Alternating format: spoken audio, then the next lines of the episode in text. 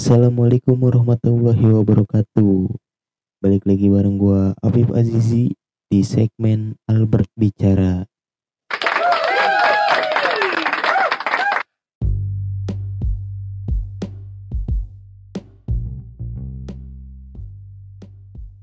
Prolog membuka peluang kesempatan dengan kebiasaan bicara.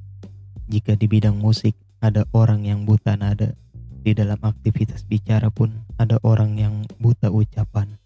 Mereka adalah orang yang merusak suasana dengan ucapan yang tidak sesuai dengan tempatnya. Bahkan, kadangkala mereka hanya sekedar menghafal istilah yang sedang tren atau humor terbaru. Kalau mereka berhasil dalam sebuah percakapan, mungkin mereka akan berkata bahwa mereka telah berusaha, tetapi mereka hampir tidak pernah dibilang sebagai pembicara yang baik oleh audiens atau lawan bicaranya. Ibaratnya, seorang yang bernyanyi sumbang tidak akan pernah disebut penyanyi top saat ia meninggikan suara tenggorokannya. Lalu, bagaimana cara berbicara yang baik? Apakah berbicara dengan artikulasi yang jelas atau berbicara tanpa mengambil tarikan napas? Tidak.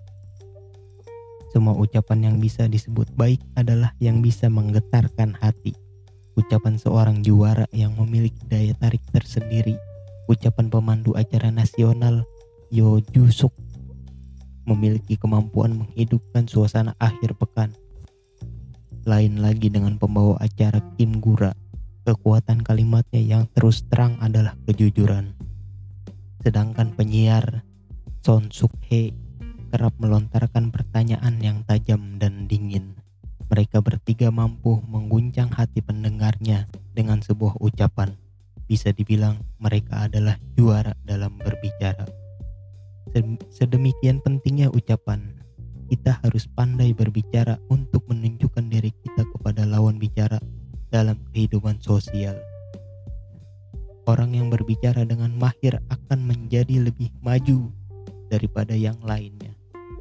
Untuk mencapai tujuan komunikasi persuasi, dan negosiasi, kita harus mengetahui metode komunikasi yang efisien. Masalahnya, hanya segelintir orang yang mengetahuinya. Mayoritas orang tidak tahu bagaimana cara berkomunikasi dengan baik. Mereka kadang salah sangka bahwa orang lain pandai berbicara karena bawaan lahir. Lalu mereka akan berkata kepada dirinya sendiri, jika sejak awal tidak mahir berbicara, maka hal itu tidak akan bisa diperbaiki. Sama sekali tidak demikian. Anda dapat menonton film The King's Space, Raja George VI naik tahta di kerajaan Inggris pada saat Perang Dunia II pecah. Namun, ia mengalami kesulitan dalam berbicara dan selalu gegap. Oleh karena itu, publik tidak menyebutnya pidato dengan gagap gempita ia kemudian berlatih keras hingga bisa mengatasi kegagapannya hingga ia berhasil melakukan siaran pidato yang luar biasa seperti mendeklarasikan perang dengan Jerman. Pidatonya mampu menyentuh seluruh negeri dan berperan besar menyatukan rakyat Inggris. Saya pun demikian. Walaupun telah dikenal luas sebagai ahli seni berbicara, sejak lahir saya tidak memiliki kemampuan berbicara seperti sekarang.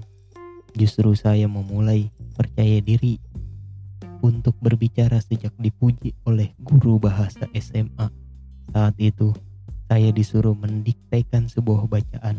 Semenjak itu, saya giat berlatih semakin lama mendapatkan hasil yang lebih baik daripada sebelumnya. Kemudian, saya terpilih menjadi reporter dan berlanjut menapaki jalan sebagai pembawa acara, pengajar, pengisi suara, dan penyanyi. Kemampuan bicara saya semakin membaik dengan membawakan berbagai acara dan konser. Melalui banyak trial and error di hadapan orang banyak, kini saya boleh berbangga diri dengan kemampuan berbicara saya yang mumpuni. Seolah membuktikan hal ini, kelas berbicara saya tidak hanya mendapat penilaian tinggi, tetapi juga mendatangkan kesempatan berbondong-bondong. Disibukkan dengan tanggung jawab mengajar di kampus, lembaga pendidikan, lembaga penelitian, dan perusahaan. Menurut saya, siapa pun bisa meningkatkan kemampuannya asalkan mau berusaha. Dengan keyakinan inilah saya menulis buku yang berisi kumpulan metode berbicara ini. Banyak buku di pasaran membahas tentang komunikasi dan cara berbicara di pasaran, sebagian besar merupakan buku teknis, bahan pengajaran, atau terjemahan yang sulit dinikmati oleh orang awam. Buku ini dijabarkan agar dapat dimengerti oleh siapa saja. Terdapat banyak episode menarik dari orang-orang terkenal dan juga rahasia inti dari komunikasi jika Anda membacanya. Saya yakin rasa percaya diri Anda untuk berbicara pun akan tumbuh dengan sendirinya. Buku ini bukanlah kalangan khusus, melainkan untuk orang-orang biasa yang tumbuh sedikit demi sedikit. Banyak buliran keringat usahanya. Buku ini ditulis untuk mereka yang berupaya untuk memperbaiki kemampuan berbicaranya dan percaya bahwa kehidupan dapat berubah dengan mengubah cara bicara. Saya mempersembahkan buku ini untuk semua orang yang saat ini pun sedang berjuang untuk masa depannya. Juni 2016, Oh Suyang.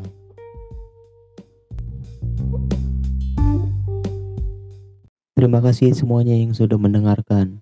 Afif Azizi pamit, sampai bertemu di episode berikutnya.